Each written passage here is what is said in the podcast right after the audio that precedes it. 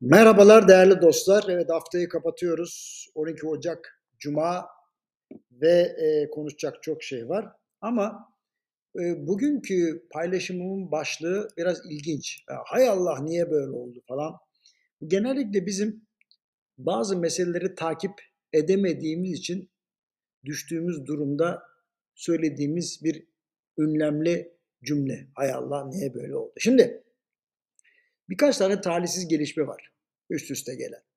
Mesela ihracatta siparişler düşüyor, iç talep istikrarsız, ücretler yükseliyor, maliyetler tabii işten çıkarmalar vesaire bu böyle bir örümcek ağının içindeyiz.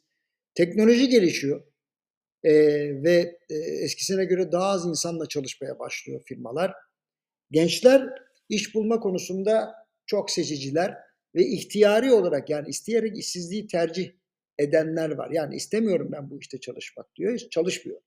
Bu arada kayıt dışılık da hızla artıyor. Şimdi hepimiz şunu kabul edelim. Özellikle kuvvetli konumda olan insanlar, itibarlı insanlar, belli bir ünvana, makama sahip olan insanların masası üzerinde artık daha az iş başvurusu var. Bir iş yerinden diğerine çabuk geçen, herhangi bir bağlılık hissetmeyen e, yeni nesil ikiye bölündü. Yarısı plazalardaki ofislerde kaybolmayı tercih ediyor. Çok fazla çalışmak istemiyor. Ay başında ücreti hesaba yatsın istiyor. Ee, biraz da yani sakin bir düzen istiyor. Diğer yarısı da kurumsal olmak istemiyor. Daha esnek işlerde çalışmak istiyor. Spor ve eğlencesinden mahrum olmadan dijital tabanlı işlerde haftada 4 gün maksimum çalışmak istiyor.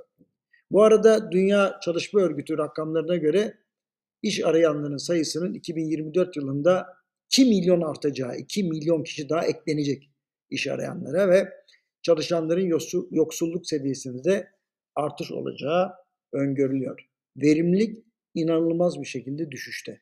Baş aşağı geliyor.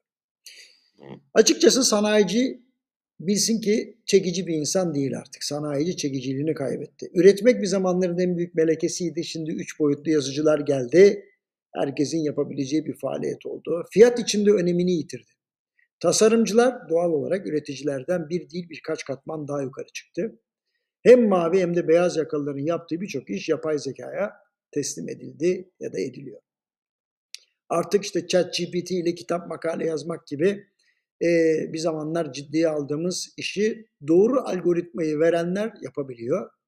İnsanoğlu hızlı şekilde yönetenler ve yönetilenler olarak keskin bir çizgiyle ikiye ayrıldı. Kendi kendine yetmek için çalışanlar yaklaşmakta olan büyük tehlikeye ve büyük değişime karşı ayakta kalma şansına bir nebze sahip. İnsanlık enflasyon, faiz, döviz, çevre, spor vesaire gibi günlük meselelerle uğraşıyor. Pek azımız başımızı kaldırıp gerçek meselenin ne olduğunu kavrayabilmekteyiz. Dev yapıları ayakta tutmaya çalışanlarla evde bekleyenlere mahcup olmamak için çalışanlar hiçbir fark gözetmeksizin aynı hayatı yaşıyor. Herkes müdahale edemeyeceği dışarıdan gelen etkilere karşı içeride aldığı önlemlerle ayakta kalmaya çalışıyor. Pek az insan dışarıdaki etkilerden bağımsız gelişecek bir kurgu için çalışmakta. Zaten eğitim sistemi ve çevre de buna müsaade etmiyor. Hiçbirimiz yapay zekanın uğraştığımız işlerin ne kadarını devralacağını bilmiyoruz tahminlerimiz var.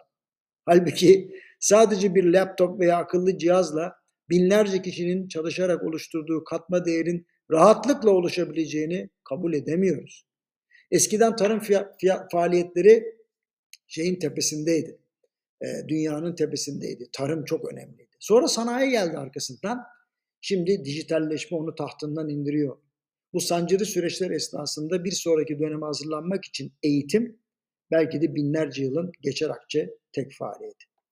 Bir kısmını Türkiye'nin diğer kısmını küresel konjonktürün yarattığı bu olumsuz şartların üstesinden gelebilmek için patron, CEO, genel müdür ve her düzeydeki yöneticilerin geleceğin dünyasıyla alakalı eğitimleri alması gerekiyor. Dijital kabiliyetlerin güçlenmesi gerekiyor. Risk takibinin son teknolojiyle desteklenmesi ve davranışsal kabiliyetlerin pekiştirilmesi gerekiyor. Aksi takdirde kendi elimizle yarattığımız işsizlik ve üretimsizlikle alakalı her ay açıklanan veriye bakıp hay Allah diye hayıflanmaktan başka bir şey yapamayacağız.